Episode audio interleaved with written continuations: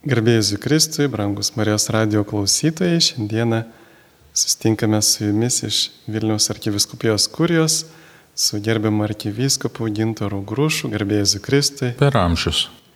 Aš kunigas Sigitas Jurkštas ir šiandien susitinkame aptarti prieš kelias dienas įvykusioje spaudos konferencijoje e, jūsų pranešimą, kad yra žmonės kviečiami kreiptis, kurie patyrė seksualinę prievartą bažnyčioje, jų taip pat šeimos nariai ir kiti turintys žinių apie prievartą prieš vaikus bažnytinėje aplinkoje ir tinkamai apmokyti pasauliečiai yra pasirengę priimti, pagarbiai išklausyti, suteikti reikiamą informaciją, padėti suprasti, ką reikėtų daryti konkrečioje situacijoje. Tai kuo šita išklausimo tarnystė yra nauja, ar anksčiau žmonės irgi negalėjo kreiptis dėl šių dalykų? Iš tikrųjų galėjo ir jau kurį laiką kiekviena viskupija turi savo internetinį adresą, kur žmonės gali kreiptis ir kontaktus. Iki šiol tačiau tyrėjai šitų atvejų ir jie lieka ir bus toliau tyrėjai, priimdavo pirminius išklausimus iš ateinančių ir patys pradėdavo tada vertinti, pateikdavo vyskupų, ar yra medžiagos pradėti iš ankstinį tyrimą. Bet tarptautinė padėtis ir patirtis per daugelį metų pabrėžia tai, kad žmonėms, kur yra patyrę smurtą, ypač bažnyčioje, tai jiems, jeigu jie patyrė tą iš kunigo, labai sunku kitam kunigui apie tai kalbėti, pasakoti ir bandant palengvinti jų tą žinių pateikimą, kreipimąsi ir siekiant jiems padėti, tai dažnai yra kreipiamas į pasauliečius, profesionalus, pas mus psichologai, socialiniai darbuotojai, kitur gali būti ir kitokie pasauliečiai apmokyti tą tarnystę vykdyti, kad padėti žmogui pasisakyti tą savo patirtį, kreiptis pagalbos, tyrimo, bet tuo pačiu tie profesionalai turi galimybę įvertinti to žmogaus poreikius, kaip jam galima padėti psichologiškai, vidinio gydymo ypač procese. Vadinasi, ta nauja sistema bus tokia kaip ir veiksmingesnė už ankstesnę. Nu, ir ankstesnės buvo veiksmingos iš tos pusės, kad mes sugebėjom atrasti, kur yra nusikaltimas ir atpažinti ir pradėti tuos tyrimus. Čia veiksmingesnė ta prasme turbūt bus naudingesnė tiem patiems žmonėm, kur kreipsis, kad mes greičiau galėtumėm teikti reikiamą pagalbą, jeigu tokios yra. Daug kas, kas ateina ir atsisako tos pagalbos tai nėra vienreikšmiškai, kad yra kažkokia sistema, kur automatiškai visi turės eiti pas psichologą tą patyrę, bet galimybės veiksmingiau tą vykdyti, tai tikrai atsiranda. O kiek žmonių pastaraisiais metais kreipėsi dėl iš kunigų patirto seksualinio išnaudojimo ar buvo pradėti teisminiai procesai? Čia reikia skirti žmonės, kurie kreipiasi, žmonės, kurie kreipiasi su kažkokiu pagrindu ir tada teisminis procesas. Tai daugiau žmonių yra kreipėsi, bet kai kurie iš tų iš viso nėra pagrindo, ant kurio pradėti iš ankstinio tyrimo. Mes iš ankstinių tyrimų per pastaruosius metus turėjom kokius tris, iš kurių jau pradėjus teisminiai procesą kunigas mirė ir tai buvo teisminis procesas nutrauktas, o yra dar du, kur dabar vienas eina link teisminio proceso, kitas baigia iš ankstinį tyrimą. Tai tie dalykai eina pirmin, kai iš ankstinis tyrimas baigtas, tai medžiaga nusiųsta į Vatikaną, Vatikanas tada nurodo, kokiu procesu toliau tęsti. Vadinasi, tai yra ne tik tai psichologinė pagalba, bet kartu gali būti ir, teisinė, galinti realiai padėti siekti teisingumą. Dėl teisinės tai labai priklauso nuo kiekvieno atveju. Aš nelabai pramatau, kad bažnyčia pradės bylinėtis civiliniuose teismuose, bet ieškot kažkokios pagalbos tam ir yra mūsų tiek ir teisminiai procesai pačiuose bažnyčios tribunoliuose, Jeigu žmogui reikės teisinės pagalbos dėl kitokių priežasčių, tai žiūrėsim, kaip galim padėti. O kiek laiko praėjus nuo seksualinio nusikaltimo policija jau atsisako tirti dėl senaties termino ir atrodo, kad tas senaties terminas liktai praeitais metais turėjo būti prailgintas. Senaties terminas keičiasi, bet jis keičiasi ir sąlygos su nusikaltimu galimu. Tai skirtingi nusikaltimai turi skirtingas senaties terminus ir kai kurie dalykai, kur civiliniai plotmei net nesiskaito kaip nusikaltimai, pagal bažnyčios teisę jie yra bažnyčios teisėje nusikaltimai. Tai dvi sistemos eina paraleliai ir kai kurie dalykai ilgiau, bet yra, kaip ir visoji teisės sistemoje, senatis ir tai priklauso, kaip sakiau, nuo nusikaltimų. O gal čia galim dar irgi palies, va kaip jūs vertinant tą neseniai nuskambėjusi straipsnį Delfyje apie Sigito studentų atvejį, ten man atrodo ir buvo liktai sena medžiaga ištraukta. Aš taip irgi suprantu, kad tai sena medžiaga, dalykai internete niekur nedingsta, kas nors turbūt atrado, iškėlė, bet vyskupas jau anksčiau buvo su juo kalbėjęs, kiek suprantu. Ir taip, mano žiniom, tai po tuo atveju tokie dalykai nepasikartojo. Bet irgi reikia prisiminti, kad bažnyčios bausmės nėra tam, kad žmogus kentėtų nuo bausmių, bet tam, kad vestų į atsivertimą ir į naują gyvenimą. Ir tai yra, nu, ir civiliniai sistemai turėtų būti toks žvilgsnis, bet kas atsiranda labai daug, dažnai ar dėl spaudos išaštrinimo tų dalykų, kad žmonės nori, kad kunigas būtų iš karto atleistas iš tarnystės, nubaustas, pašalintas visiškai. Taip yra kai kuriais atvejais, kai tas yra daroma. Bet tikrai tai nėra pirmas žingsnis ir pirmas tikslas apsaugoti nepilnamečius nuo tokių dalykų, bet taip pat į to asmens atsivertimą ir grįžimą į pirmiausiai teisingą santykį su Dievu. 2022 rugsėjį Lietuvoje įsigaliojo gairės, kuriamis bandoma užkirsti kelią nusikaltimams prieš vaikus. Jos gana griežtos, pavyzdžiui, neleidžiama kunigui su vaikais vienam važiuoti automobiliu, būti vienoje palapinėje, nakvoti vienoje patalpoje su nepilnamečiais, pavyzdžiui, stovyklose, kalbėtis apie su litiškumu susijusius dalykus, kai tai nėra pastoraciškai būtina, daugelis kitų gairių. Ir visgi tai priklauso nuo kiekvieno dvasininko tokio samoningumo, skaistumo, bet kaip tos gairės tuomet saugos, jeigu žmogui trūksta to samoningumo, geros valios, susivaldymo. Gairės savaime tikrai negali visko užgarantuoti. Bet pirmiausiai noriu pasakyti, kad tai nėra naujovė mūsų gairėse. 21 metais tai buvo atnaujintos tos gairės iš tikrųjų, bet jos jau tokios gairės buvo nuo turbūt 13 ar 14 metų. Ai, vadinasi, jos ne 22. Buvo paprastesnės, dabar jos yra todėl, kad ir Vatikane naujos gairės, naujo įstatymai yra išleisti, tai tos gairės atnaujinamos atitikti naujiems dalykams, naujiems reikalavimams. Bet tokie dalykai, kad kunigas negali miegoti vienam kambarį ar būti mašinoje kažkur su nepilnamečiu vienas, jau prieš dešimt metų ir daugiau buvo ir tai buvo kalbama ir su kunigais, gal mažiau spaudos tie dalykai gavo, bet tos gairės irgi buvo internete pakabintos, bet gal žmonių ar spaudos netai pastebėtos. Bet jau daug metų bažnyčioje su tuo kalbame, kokius dalykus daryti, nes tai ir dalinai pasiekmė to, kas darosi visame pasaulyje. Ta distancija nuo jaunimo reikia daryti protingai. Nereikia, kad kunigas neturėtų jokio kontaktų su jaunimu, nes tai yra jo misija ir darbas. Bet kad jis neliktų vienas be reikalo, kur gali įvykti nusikaltimas, bet taip pat ir kunigas gali būti neteisėtai apkaltintas.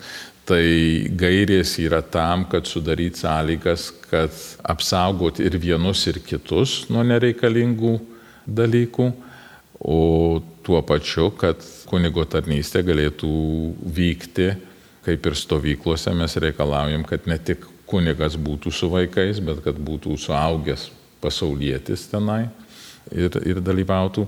Tai yra ir apsaugant vaikus, ir tuos pačius kunigus. Koks yra skaistumo apibrėžimas tuose gairėse pateiktas, nes šių dienų žmogus turbūt labai yra pradęs iš viso to skaistumo supratimą. Atrodo, tai kad skaistumas, na tik tai bent jau yra vengti kažkokių tai na, veiksmų su, su kažkuo tai, bet tai yra turbūt daug giliau negu vien tik tai veiksmai ar neskaistumas. Jo, skaistumo apibrėžimas pačiuose gairėse šitaip skamba. Lytinio potraukio apvaldymas ir naudojimasis juo vadovaujantis protų ir tikėjimu pagal kiekvieno pasirinktą gyvenimo būdą bei pašaukimą. Taip pat nuolatinis pasiryžimas vienam ir su kitais asmenimis vengti bet kokių minčių, žodžių ar veiksmų, kurie kelia lytinį pasitenkinimą ir susijaudinimą nesusijusi su gyvenimu santuokoje. Kartais mes pamirštam, kad kiekvienas krikščionis yra pašauktas ir į skaistumą. Celibatas kaip po toks yra pasiryžimas kunigų, vienuolių neturėti santokinį gyvenimą, kad jie tarnauja bažnyčioj.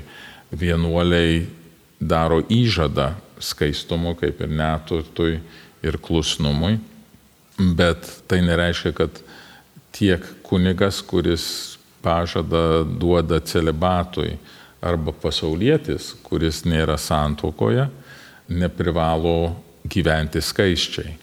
Tai nėra lengva mūsų visuomenėje, kur yra, sakyčiau, hiperseksualizuota mūsų ir komunikacijos priemonės, bet ir mūsų visuomenėje. Tie dalykai dažnai kalbami, dažnai tie dalykai naudojami marketinge, atitrauk dėmesį ir tampa kaip ir dalis kultūros. Tai reikia atsargiai su tais dalykais, bet tai, kaip matom, tos gairės nėra tik tai daryk, nedaryk, bet ir savyje turi tą paaiškinimą tų terminų net pagrindinio elgesio principai kaip protingumas arba pagarba asmens orumui padeda mums suprasti ne tik ką daryti ir ką nedaryti, bet ir duoda supratimą, kodėl tie dalykai yra daromi arba nedaromi. Nes iš tiesų toks truputėlį yra skilimas mūsų visuomenėje tarp to, kad viena vertus iš tikrųjų mes labai griežtai smerkiame tuos seksualinius nusikaltelius ir, na taip turbūt reikėtų daryti, bet kita vertus kaip tik visiškai nešalinamas, bet netgi skatinamas priežastis, kurios veda į tokius nusikaltimus, kaip pavyzdžiui, kad ir ta pati televizija, taip, ten turbūt, na, didžioji dalis yra taip sukurta tam, kad skatintų neskaistumą. Ir jau žiūrint televizorių, tu jau esi veikiamas to neskaistumo nuodėmės. Lygiai taip pat, kur dabar prasidėjo ta nauja gyvenimo įgūdžių programa, ten buvo žmonės raminami, kad viskas bus gerai, bet štai neseniai mus irgi pasiekė informacija, pavyzdžiui, iš Klaipėdos krašte yra viena tokia viešoji įstaiga ir kur moksleivius moko, na, 13 metų moksleivius praktiškai moko apie seksą ir tuose bukletuose dalinamuose yra sužadinamas noras tai daryti, kad ten visokie, ai, norėčiau ir taip toliau. Ir netgi paskui galiausiai pažymima, kad, na, vat, vis dėlto nesvarbu, kad tėvai čia jums prieštaraus, bet jūs jau nuo 16 metų galite patys ateiti pas gynekologą, suprask, pasidaryti abortą. Reiškia, kad vis tiek ypatingai nepilnamečiams ypatingai va tokia, kaip minėjau, hiperseksualizuota banga tiek per medijas, tiek per taip pat ir mokyklose. Ir iš tikrųjų be galo sunku tam pasipriešinti kiekvienam žmogui turbūt išsaugoti skaistumą mūsų laikais. Grįžtant prie šitų konsultantų išklausimo tarnystės darbo, kaip žmonėms pasitikėti, kad jų perduota informacija nebus padėta, pavyzdžiui, stalčių, kažkaip nuslėpta, ji pasirodys nepatogiai, juk tie išklausantis konsultantai vis tiek bus pavaldus bažnyčiai, pavaldus vyskupui. Ne, čia, man atrodo, žmonės gali būti ramus, nes jie yra samdomi tam, kad išklausyti, surinkti visą informaciją ir perduoti vyskupui. Vyskupas turės daryti sprendimą, ar čia yra pagrindo pradėti iš ankstinį tyrimą, ar nuspręsti, kad tai nėra kažkas su nepilnamečiais, tai neįeina tiksliai į gairių reikalavimus ir bažnyčios normas dėl šitų atvejų, bet tada jis gali spręsti ir tvarkyti tą reikalą, jei kunigas neteisingai elgesi kaip nors ar nepadoriai, tai jis gali su kunigu pasikalbėti ir bandyti drausminti kitokiu būdu, ne pagal teisminį tyrimo procesą. Arba jis turi nuspręsti ir kartais yra tų, kad žmonės ateina ir kalba arba nebūtų dalykų, arba dėl įvairių priežasčių neturi pagrindo, kad kas nors įvyko. Tai būna ir tokių atvejų ir tada vyskupas turi atrinkti, kuris iš šitų atvejų yra. Tai, bet procesas turi savo labai aiškus žingsnius ir klausimo tarnystės ekspertai, tai jų darbas yra dviejopas. Vienas surinkti medžiagą ir perduoti vyskupui pirmuosius duomenis. Antra, pažiūrėti, ar tam žmogui yra kaip padėti ir pasiūlyti pagalbą.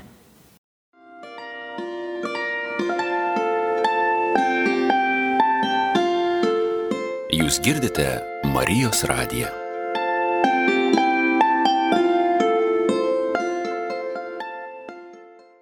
Mėly Marijos radio klausytojus, girdite aktualių laidą apie naują išklausimo tarnystę patyrusiems tam tikrus išnaudojimus bažnyčioje. Kalbame su Vilniaus arkivyskupu, jo ekscelencija Gintoru Grūšu. Ir prieš metus popiežius Pranciškus parašė tokį apaštališkai laišką dėl išnaudojimų vos estis liuks mundijus pasaulio šviesa, apie ką maždaug tame laiške popiežius kalba. Vėl reikia prisiminti, kad šitas laiškas nebuvo kažkas visiškai naujo, nes vos testis Luxmundi irgi pirmasis variantas buvo išėjęs prieš daugelį metų. Šitos nuorodos, kur dabar išėjo, tai tik praplečia ankstyvesnės.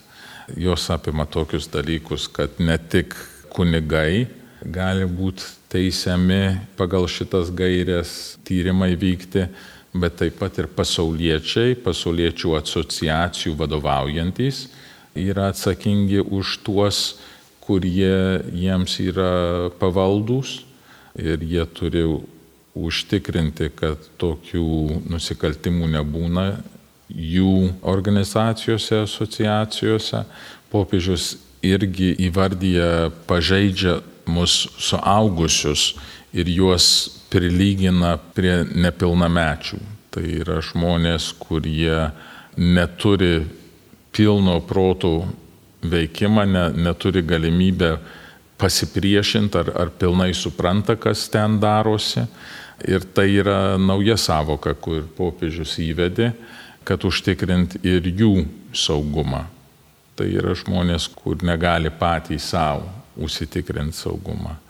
Tai šitie žmonės su negale ir Bet tai būtų nu, ne bet kokia negalė. Dažniausiai proto negalė, turbūt į tą įeitų, kur dabar visai nemažai yra žmonių vyresnio amžiaus su demencija, kur neturi to vidinio sugebėjimo atsispirti ir net gal ir suprasti, kas jiems darosi. Tai tas apsaugojimas tokių sulyginamas su nepilnamečiais. Taip pat apsaugojimas nuo piknaudžiavimo autoriteto įvardintas. Ten jeigu yra ar tai tiesioginis viršininkas, tai, sakykime, vienuolynų vyresnįjį arba seminarijos vadovybė, kur turi tiesioginį valdymo galę, kad nebūtų ten piknaudžiaujama. Tai irgi kalbėjau apie vyskupus, apie ką daryti, jei vyskupas padaro nusikaltimą, yra skundas prieš vyskupų, tada arkivyskupams metropolitams yra pavesta gavus leidimą iš švento sosto vykdyti tyrimą kito vyskupo atžvilgiu. Taip tikrai išplėtė savokas ir ką apima ankstyvesnis dokumentas. Ar ši išklausimo tarnystė bus tik tai Vilniaus arkiviskupijoje ir kaip ir kokiais atvejais galima kreiptis, ar galima ir kitose viskupijose? Žmonės, žinoma, jei kreipsis ir nebus Vilniaus arkivyskupijos klausimas, tai mūsų tyrėjos išklausytojos perduos tą informaciją į tas vyskupijas, bet kad šitą programą plėstųsi dar nėra nustatyta, norim pradėti su maža apimtimi, pažiūrėti, kaip veikia, užtikrinti, kad gerai veikia ir tada, žinoma, visada yra galimybės plėstis. Mes galėsim kalbėti tarp vyskupų, ar, ar jie savo vyskupijose darys, ar mes nacionaliniai, bet nacionalinė tai apsunkina tą, kad žmogus turėtų atvažiuoti per visą Lietuvą. Tai esame kalbėję, jei būtų skundų kitose vietose ar mūsų išklausytojos reikalui esant ir, ir būstumėm pasiruošę, ypač jei kas nors su negale ir negali lengvai atvažiuoti, tai gali paprašyti, kad tie žmonės galėtų nuvažiuoti ir, ir priimti tą jei žmogui fiziškai yra sudėtinga atvykti. Bet žiūrėsim ateityje, dabar yra tik tai pradžia, norim atsistoti tvirtai ant kojų ir tada apie plėtrą galėsim kalbėti ateityje. Ir kokiais atvejais čia galima kreiptis, ar tik tai dėl kunigų seksualinio išnaudojimo, ar ir ne tik kunigų seksualinio išnaudojimo, ar ir pavyzdžiui tokiais atvejais, kaip, na, neretai pasitaiko, kad na, negali sakyti, kad labai dažnai, bet vis pasiekia ausis tokie atvejai, kai pavyzdžiui, kunigai nustato kainas už santokas, aukštas kainas ir panašiai. Ar čia tokius dalykus irgi galima būtų kalbėti, ar labiau apie išnaudojimus kitokius? Pagrindas šitos tarnystės yra priimti žmonės, kur yra patyrę pač nepilnamečių apsaugos klausimais kažkokią neteisėtą elgesį iš kunigų ar bažnyčios aplinkoje nebūtinai iš kunigo. Tie visi kiti čia nėra ta vieta, kur eiti ir pasisakyti, kad nepatiko klebono pamokslas. Ta, man atrodo, dažnai ir Marijos radijos atvira linija pasitarnauja, bet yra tų vietų, kur tuos dalykus, bet šita tarnystė labai specifinė, ta prasme. O ar galima bus kreiptis anonimiškai? Kreiptis bus galima, bet labai sunku yra visiškai neateit patiems ir neišsakyti, todėl kad vienas iš tikslų yra padėti tam žmogui, kuris galimai yra nukentėjęs, o tą niekaip negali padaryti anonimiškai. Reikia turėti kontaktą su žmogum, tai tikrai pagrindinis susitikimas turės įvykti, kad žmogus gautų pagalbos ir galėtų būti išklausytas. Dėl žmogaus anonimiškumo Tai viešumos atžvilgių tai tikrai išlaikysim tą anonimiškumą, kaip ir mes darom ir teisminėse bylose ir tyrimuose.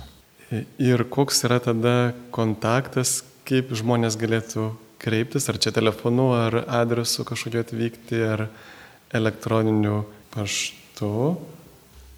Adresas elektroniniu paštu yra noriu pasakyti eta vilnensis.lt parašė į tą adresą per porą dienų, per dvi, tris dienas bus susikontaktuota ir susitarta, kada būtų galima susitikti ir išklausyti tą žmogų.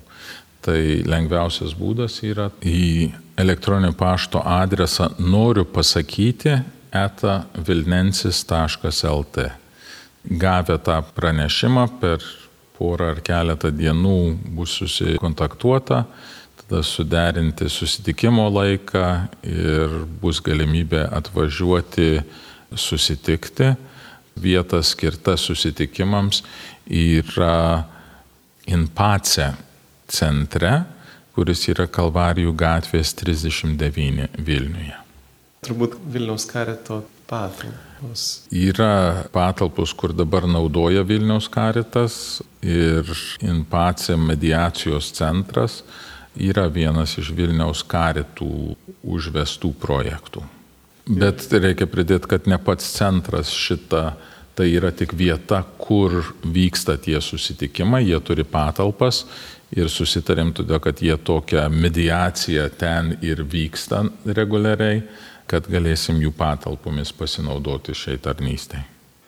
O dar kalbant apie prevenciją tokių dalykų, Pavyzdžiui, priimant kandidatus į kunigų seminarijas, ar yra atliekami kokie nors, na, pavyzdžiui, psichologiniai tyrimai, siekiant įvertinti kandidato psichologinį vientisumą ir brandą, ar tik tai toks koks nors teologinių žinių patikrinimas?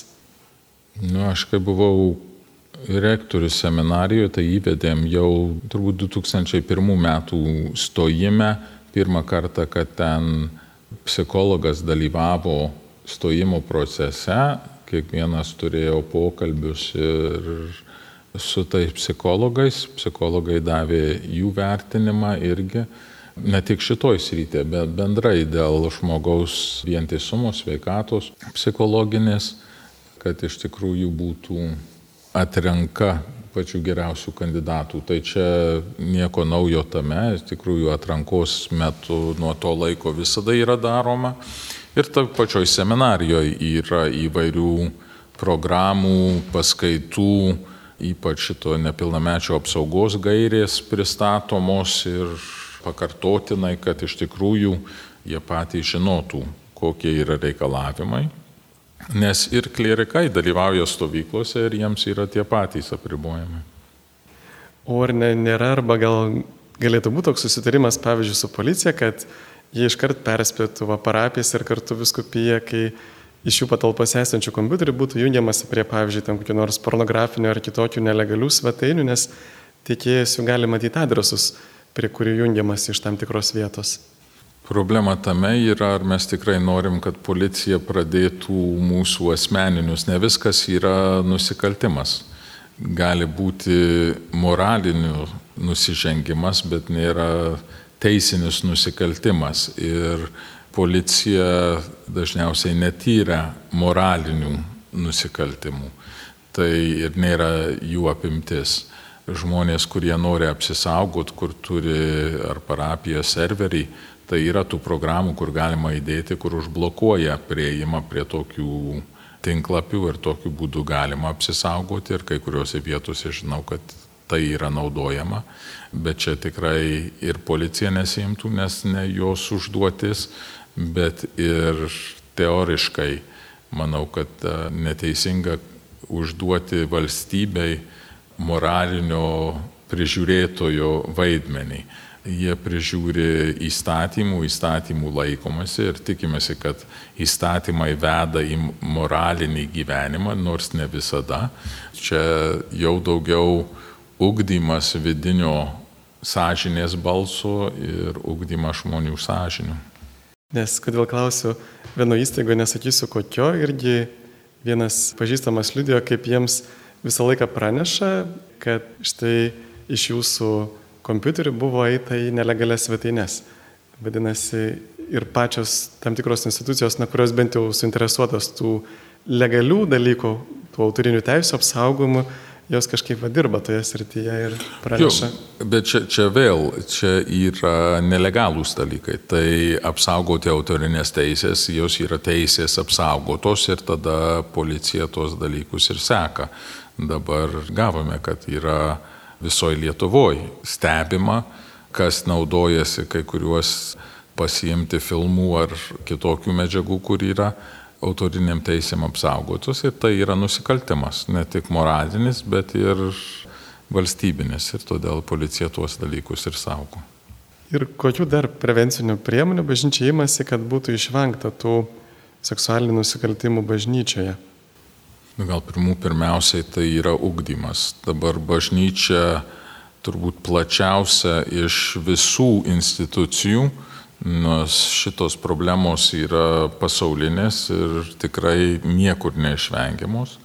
Šitą klausimą kelia, kelia viešai, turi programas, kur siekia apriboti. Netiek girdime apie šituos nusikaltimus ir jų dažnumą tiek mokyklose, tiek sporto klubuose, tiek ir šeimose ir ten turbūt yra labiau įsiplitę negu sąryšį su bažnyčia. Bažnyčios atveju tai yra žiauresnis nusikaltimas tam, kad kerta žmogaus dvasinį santykį su Dievu. Ir jis tada apima visai kitą plotmę to nusikaltimo ir žalos, kur yra padaryta žmogui. Tai todėl tiek dėmesio į bažnyčioje vykusius nusikaltimus. Bet žmogui tikrai nemažesnė žaizda, jei tokie dalykai vyksta šeimoje, artimųjų žmonių rate, palieka savo pėtsakas ir tikimės, kad šitas švietimas, kuris vyksta tiek per gairias, tiek per pasirengimą užkardyti, kad tai nevyktų bažnyčioje, turės ir savo pasiekmes visuomeniai, kad visuomenė pamatys, kad tai yra nepriimtinas nusikaltimas, kad turim daryti viską, kad apsaugoti nepilnamečius nuo tokios žalos, kurios tikrai palieka pėdsaką jų visam gyvenimui. Na ir dar šitą klausimą jūs iš dalies kaip ir aptarėt, bet vis tiek norėčiau paklausti, kodėl mes, nors palyginti dažnai, aišku, gal ir klausimas kiek teisingai, girdime apie įvairius kunigų tokius nusižengimus per žiniasklaidą, bet palyginti retai girdime apie jų suspendavimą, nuo tokių griežtesnių kažkokių tai nuobodų, kad jie susilauktų, ar tai nėra irgi susijęs su ta kanonų teisės kodekso norma, kad kunigas suspendavęs viskupas turi jį ir išlaikyti. Nemanau, kad taip pirmiausia yra finansinis dalykas ir turbūt griežčiausia nuobauda, kur yra galima duoti, tai yra gražinti į pasauliečių luomą, kad jis nebegalėtų veikti, būti kunigu. Ir su tokia bauda tai tikrai išlaikymo klausimas jau nekyla. Žmogus grįžta, o kaip ir sakiau anksčiau, tas tikslas yra atsivertimo. Atsivertimo, kur galima. Jei yra lyga, tai reikia užkardyti, kad daugiau negalėtų ką nors pažeisti bet niekur neprasideda dalykai nuo pačios graiščiausios bausmės. Bandai palaipsniui, jei matai, kad yra galimybė, kad pasitaisys, tai duot progą pasitaisyti, tuo pačiu užtikrinant, kad nesikartotų. Tai labai ačiū Jums, gerbiamas arkivyskupė, už šitą išsame laidą apie tą naują išklausimą tarnystę, kartu apie bažnyčios pastangas, kaip užkirsti kelią tiems nusikaltimams, ypatingai seksualiniams nusikaltimams prieš nepilnamečius, prieš vaikus, prieš pažeidžiamus, suaugusius, neįgaliuosius. Dar kartą primenam, kad tas elektroninio pašto adresas yra noriu pasakyti etavilnensis.lt.